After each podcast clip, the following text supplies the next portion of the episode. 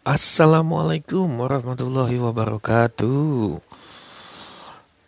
Selamat pagi, siang, sore, dan malam akan selalu kuucapkan. Alhamdulillah kita bisa bersua kembali di podcast kesayangan kita semua, Cigu Akin, di mana kita membahas tentang ilmu sejarah, ilmu-ilmu sosial, ilmu-ilmu humaniora, dan kaitan antara ketiganya tentu dengan pembahasan yang sesantuy seselon mungkin ya. Jadi bisa tetap didengerin sambil kamu jalan-jalan sambil kamu masak atau nyuci baju ya. Kapan pun di mana pun. Itulah namanya podcast. Diambil dari kata P O D yaitu playing on demand. Uh, jadi on demand itu artinya anytime ya, kapan aja. Nah, kita hari ini suasananya sudah mulai aktif ya, banyak yang aktif ya di tanggal berapa ini? Sekarang tanggal 22 Oktober, hari santri Selamat Hari Santri Nasional buat seluruh santriwan dan santriwati di seluruh Indonesia. Buat alumni pondok pesantren, buat orang-orang yang anaknya di pesantren, buat guru-guru pesantren, buat orang yang rumahnya dekat pesantren, buat pengagum pesantren, buat orang yang ekonominya berputar sekitar pesantren, selamat Hari Santri Nasional santri harus sehat, santri harus kuat ya. Baik, um, kita ngebahas Pancasila deh yuk sekarang ya. Jadi judulnya adalah Pancasila lima zaman. Pancasila lima zaman itu artinya Pancasila yang sudah mengarungi lima zaman Zaman apa aja tuh? Zaman batu, zaman logam. Oh enggak ya. Pancasila yang maksud sini adalah yang paling awal dari sebelum kemerdekaan. Jadi Pancasila ketika Republik Indonesia ini belum ada. Jadi masih Hindia Belanda ya. Yang kedua, Pancasila ketika masa kemerdekaan. Yang ketiga adalah Pancasila masa Orde Lama. Yang keempat adalah Pancasila masa Orde Baru. Dan yang kelima adalah Pancasila di Orde Reformasi. Pas pemerintahan Presiden Joko Widodo gimana? Oh, ini bukan Orde Lama, bukan Orde Baru, bukan Orde Reformasi. Ini namanya Orde paling baru. Jadi saya nggak bisa banyak komen ya. Silahkan kalian rasakan sendiri di kehidupan sosial dan ekonominya. Oke. Di masa awal ya, di masa sebelum kemerdekaan di era Hindia Belanda memang belum ada nih ya kata Pancasila ya. Karena kata Pancasila sendiri baru lahir tanggal 1 Juni 1945 ketika Soekarno mempresentasikan usulannya tentang dasar negara di sidang BPUPKI yang pertama. Sidang BPUPKI yang pertama itu berlangsung tanggal 29 Mei sampai 1 Juni. Yang intinya adalah anggota BPUPKI berusaha merumuskan dasar negara. Ada tiga orang yang presentasi waktu itu ada hmm, Muhammad Yamin, ada Supomo, dan ada Soekarno. Soekarno yang terakhir tanggal 1 Juni. Makanya tanggal 1 Juni diperingati sebagai hari lahirnya Pancasila. Oke, nah bagaimana sebelum 1945? Bagaimana sebelum bulan Juni 1945? Apakah ada Pancasila? Nah ini bisa kita tarik secara kontekstual ya. Soekarno pernah bilang bahwa dia tidak menciptakan Pancasila. Dia hanya menggali Pancasila dari khasanah budaya suku-suku bangsa yang ada di Indonesia. Saya ulangi, Soekarno bukan yang menciptakan Pancasila, tapi dia menggali nilai-nilai Pancasila dari khasanah luhur suku-suku bangsa yang ada di Indonesia. Bahkan ada patungnya Soekarno lagi duduk dan dia sedang menulis ya. Patung itu bisa kita lihat di uh, Jakarta Fair ya. Kalau kamu masuk Jakarta Fair pertama kali tuh ada patungnya besar sekali. Yang aslinya sih patungnya di Flores ya, ketika Soekarno dibuang ke Flores. Jadi seperti kita tahu, hmm, Soekarno, Hatta itu Sahrir ya pernah dibuang ke beberapa tempat ya. Soekarno misalnya pernah ke uh, Nusa Tenggara Timur ya, Flores tadi, terus pernah juga ke Bengkulu, pernah juga ke Bovendigul Papua ya, itu perjuangannya. Nah jadi sebelum Soekarno merumuskan itu, kata nilai-nilai Pancasila sendiri berarti memang sudah ada di dalam kehidupan bangsa Indonesia, suku-suku bangsa yang ada di Indonesia. Jadi kalau satu sila. Kalau eka kalau Pancasila dirumuskan jadi tiga kan bisa. Terus eka e, trisila dirumuskan jadi satu kan jadi eka sila kan juga bisa. Soekarno pernah ngomong gitu. Nah saripatinya itu kalau mau dibikin hanya ada satu sila atau eka sila ya diperas gitu ya Pancasila maka jadi satu sila yaitu gotong royong. Nah gotong royong ini memang bisa kita rasakan ada di banyak sekali masyarakat yang ada di suku bangsa-suku bangsa di Indonesia. Ada peribahasa berat sama dipikul, ringan sama dijinjing. Ada juga tradisi Jawa tepo seliro. Ada tradisi di Jawa juga mangan orang mangan asal kumpul. Nah, itulah di Indonesia ya. Jadi memang sudah ada. Nah, nanti mengkerucut nilai-nilai Pancasila ini ketika mulai lahir gerakan kebangsaan ya.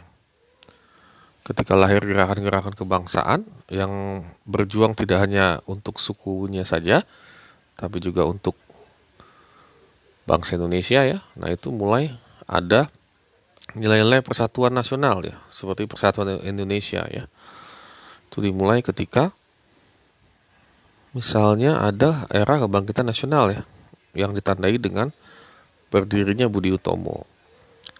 Budi Utomo memang tidak berjuang untuk Indonesia. Budi Utomo cita-citanya adalah memajukan pendidikan dan kebudayaan Jawa dan Madura. Jadi hanya fokus di bidang pendidikan dan kebudayaan, itu pun hanya terbatas bagi suku Jawa dan suku Madura. Jadi belum mikirin orang Batak, belum mikirin orang Bali, dan belum mikirin Indonesia secara keseluruhan. Tapi Budi Utomo dicanangkan sebagai momen kebangkitan nasional lebih kepada dia adalah organisasi bergerakan modern pertama yang dibuat oleh para bumi putra atau para kulit coklat ya, para bangsa Indonesia ya, yang waktu itu dijajah oleh pemerintahan kolonial Hindia Belanda. Setelah momen itu, ada juga momen penting juga. Ini terjadinya di luar negeri sih ya. Ini uh, terbentuknya Perhimpunan Indonesia ya. Itu sekitar tahun 1922. Namanya Indonis Verning. Nanti jadi Perhimpunan Indonesia itu tahun 1923. Dan mereka mengeluarkan manifesto politik Indonesia manifesto jadi rumusan ya rumusan garis rumusan utama ya tentang perjuangan politik Indonesia. Jadi kata Indonesia sudah digunakan jauh sebelum Republik Indonesia diproklamasikan. Jauh e, beberapa waktu sebelum Sumpah Pemuda dideklarasikan. Yaitu 1923 ya sudah dibikin menjadi nama Perhimpunan Indonesia. Manifestonya yaitu ada tiga ya yang pertama adalah Indonesia harus menjadi bangsa yang memerintah dirinya sendiri. dalam arti kata memerintah diri sendiri yaitu bahasa kasarnya ya lepas dari belenggu penjajahan Belanda. Yang kedua, untuk mencapai pemerintahan yang mandiri, maka bangsa Indonesia perlu untuk bersatu. Dan yang ketiga, mengupayakan pendidikan dan perjuangan demi terjadinya proklamasi kemerdekaan Indonesia. Nah, itu adalah manifesto politik dari Perhimpunan Indonesia. Nah, ini sangat ideal pada saat itu ya. Perhimpunan Indonesia ini kan tokoh-tokohnya antara lain Hatta, Syahrir ya, Iwa Kusuma Sumantri. Ini adalah orang-orang yang jadi di balik layar dari Perhimpunan Indonesia. Nah, kemudian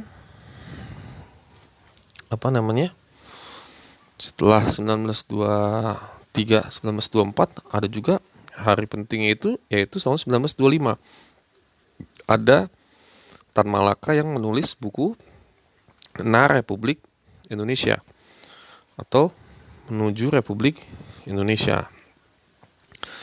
Dalam buku ini kelihat dalam artikel ini kelihatan semangat Tan Malaka yang bahwa bangsanya akan lepas dari belenggu penjajahan dengan cita-cita republik ya yang anti kerajaan, anti feodalisme dan kemudian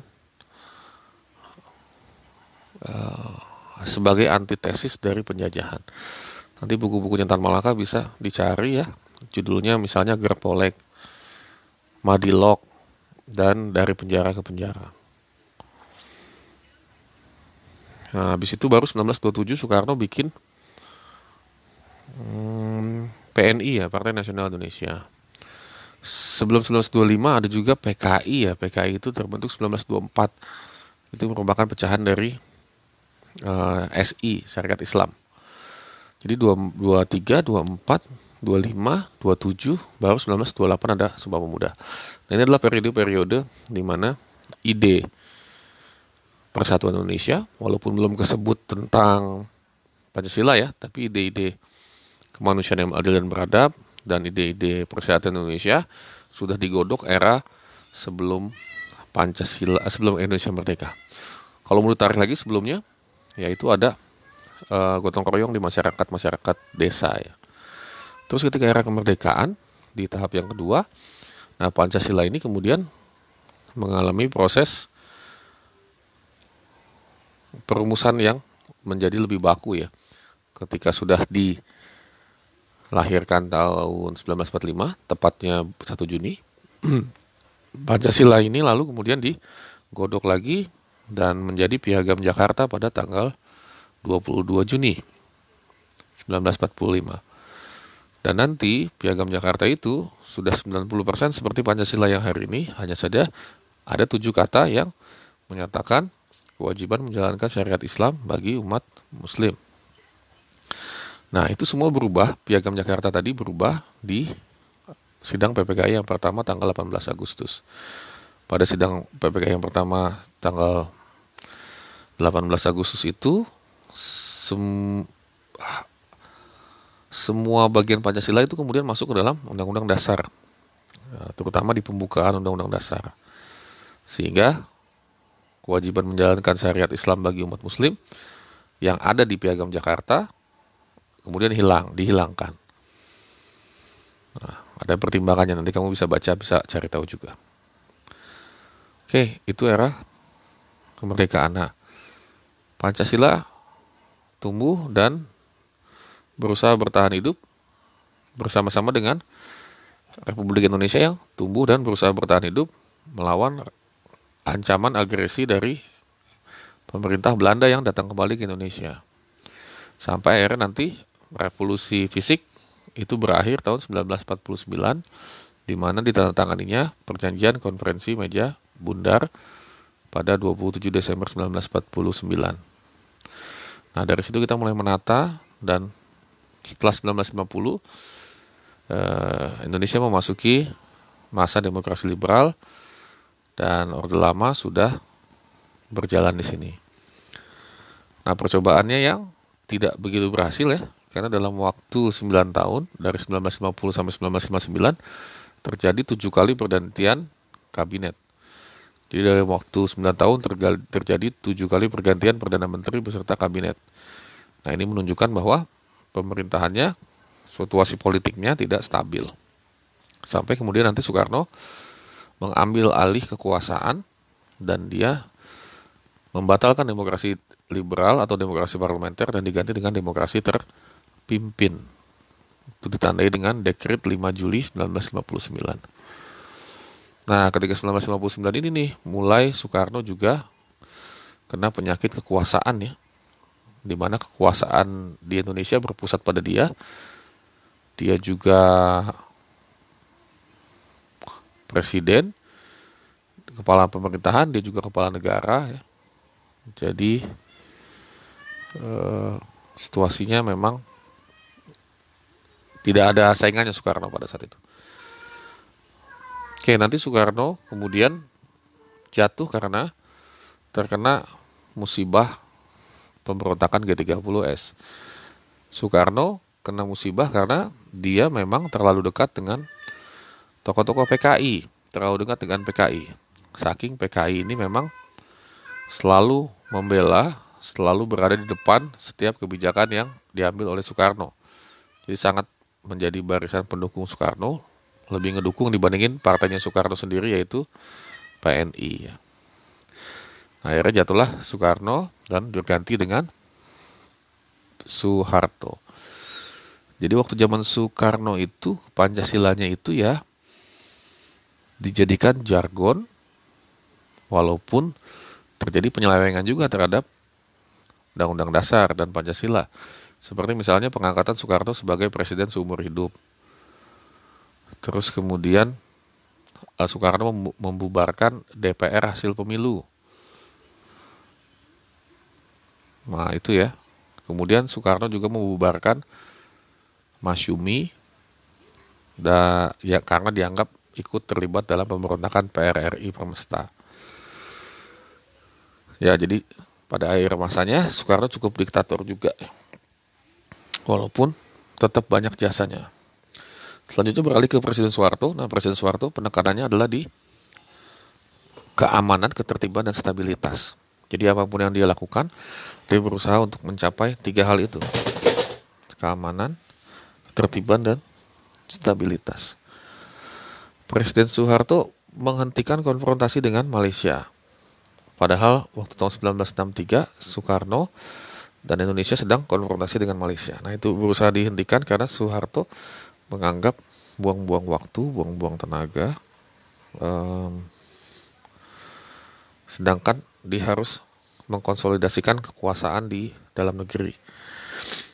Lalu kemudian situasi berjalan, ada pemilu nanti 1971, 1977, dan diterusin aja lima tahun lima tahun berikutnya. Nah setelah ketika 1977 terjadilah penyederhanaan partai atau penggabungan partai atau sering bahasa kerennya itu bahasa fisikanya adalah fusi atau penggabungan partai.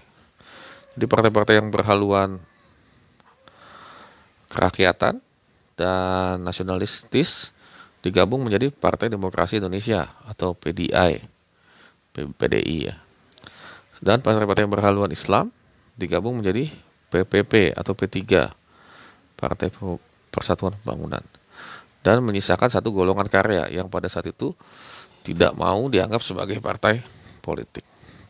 Ya nanti seiring waktu tahun 70-an, tahun 80-an, nah Golkar merupakan salah satu tiang yang menyokong kekuasaan Orde Baru. Jadi kalau di atas rumahnya ada Soeharto, ada Soeharto, maka fondasi-fondasi penyangganya adalah pertama Golkar, lalu kemudian uh, aparatur sipil PNS, lalu kemudian ABRI, ya. Nah, tiga hal itulah yang menyokong pemerintahan Soeharto tetap langgeng dan Golkar tetap menang sehingga nanti terjadi ke keajegan ya atau kondisi di mana stagnan politik di mana pemerintahnya selalu dimenangi oleh Golkar dan pasti Golkar menunjuk Soeharto sebagai presiden.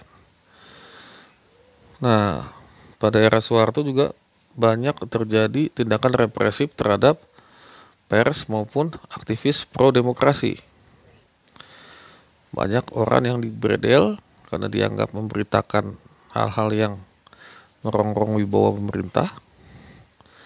Lalu kemudian juga ada penangkapan dan apa ya? Pengambil alihan hak masyarakat misalnya di Taman Mini Indonesia Indah. Terus juga terjadi kerusuhan dan pembunuhan kejam di peristiwa Tanjung Priuk. Lalu kemudian ada penyerangan markas PDI tahun 1996 27 Juli. Dan juga penculikan para aktivis demokrasi. Jadi demi kestabilan harga demi kestabilan harga BBM Eh, yang dikorbankan adalah aspirasi dan hak asasi dari rakyat Indonesia. Nah, kemudian masa yang terakhir adalah yang kelima adalah masa reformasi. Pada masa reformasi suasananya jauh berbeda. Orang menerima aroma kebebasan ya. Jadi pers, undang-undang kebebasan pers itu Salah satu yang pertama kali ditandatangani oleh Presiden ketiga, B.J. Habibie. Terus B.J. Habibie juga membebaskan seluruh tahanan politik, ya termasuk Sanana Gusmao, tokoh tokoh kemerdekaan Timur Timur Timur Leste. Nah itu nanti tidak berlangsung lama Habibie karena nanti laporan pertanggungjawabannya ditolak oleh sidang umum MPR. Sehingga nanti ia tidak punya legitimasi untuk kembali menjadi Presiden Republik Indonesia. Nah, Presiden keempat ada seorang kiai yang karismatik berwibawa namanya Abdurrahman Wahid yang merupakan cucu dari Syekh Hasim Asari. Syekh Hasim Asari merupakan pendiri Nahdlatul Ulama. Ah, presiden Abdurrahman Wahid ini apa ya dikenal dengan presiden yang banyak sekali jalan-jalan ke luar negeri, ada yang bilang dia ngabisin anggaran. Tapi dalam wawancaranya dengan Andi F. Noya di Metro TV, dia bilang bahwa dia perlu keluar negeri menemui kelompok-kelompok, menemui negara-negara yang senang kalau Indonesia ini bubar. Sehingga disamperin langsung ke akar masalahnya atau negara-negara yang suka ngipas-kipasin ya. Sehingga akhirnya Indonesia bisa tetap utuh ya. Nah itu argumen dari Presiden Abdurrahman Wahid. Pada zaman Abdurrahman Wahid juga terjadi apa ya pengakuan yang luar biasa terhadap etnis Tionghoa. Etnis Tionghoa boleh merayakan Imlek, Imlek jadi hari libur nasional. Lalu agama Konghucu juga dijadikan agama resmi negara. Lalu orang Tionghoa boleh menonjolkan uh, identitasnya kembali ya, yang selama ini seperti ketakutan akibat pandangan atau stereotip dari masa Orde Baru. Nah, akhirnya Abdurrahman Wahid juga dijatuhkan di tengah jalan, dituduh terlibat dalam kasus korupsi Bulog Gate dan Brunei Gate. Walaupun setelah Presiden Abdurrahman Wahidnya turun, kasus ini tidak pernah diusut tuntas. Jadi memang politik yang sengaja dimainkan oleh Amin Rais CS ya. Jadi Amin Rais Megawati bermain di sini sehingga Gus Dur akhirnya jatuh. Nah ketika Megawati menerima kepemimpinan dari Gus Dur, Abdurrahman Wahid ini, dia meminta untuk jaminan supaya dia tidak akan diganggu sampai masa jabatannya selesai. Akhirnya Megawati yang diwakili oleh Wakil Presiden Hamzahas eh, menunaikan menunaikan masa jabatannya dari tahun 2002 ke 2004. Oh, jadi ngomongin pemerintahan ya. Nah, pada saat ini kita sudah mulai hmm, kehilangan pakem negara ini ya, karena sudah tidak ada lagi lembaga tertinggi negara, tidak ada MPR yang sebagai lembaga tinggi negara, sehingga penafsiran atau pelaksanaan Pancasila ini berjalan seiring waktu saja gitu ya. Nah, pada zaman Presiden Megawati lahir KPK, uh, lalu kemudian juga nanti dilanjutkan oleh Presiden SB Yudhoyono. Nah, ini Presiden 10 tahun nih yang di yang mana dia walaupun suka mengeluh atau suka prihatin, tapi tidak ada terjadi penangkapan terhadap orang-orang yang memprotes kebijakan pemerintah. Jadi eh, sabar dan cukup demokratis Presiden SB Yudhoyono ini. Eh, Indonesia juga masuk ke negara anggota G20 ketika masa Yudhoyono dan kemudian dilanjutkan oleh Presiden Joko Widodo. Nah itulah ya implementasi Pancasila. Jadi ketika reformasi, Pancasilanya berusaha kembali dilaksanakan secara murni dan konsekuen dengan menekankan pada perlindungan hak asasi manusia, lalu kemudian um, tatanan kehidupan di mana tidak ada lagi dui fungsi abri dan berusaha tegaknya supremasi hukum. Itu saja Pancasila dari lima zaman ini Mudah-mudahan bermanfaat. Bila hidayah. Wassalamualaikum warahmatullahi wabarakatuh.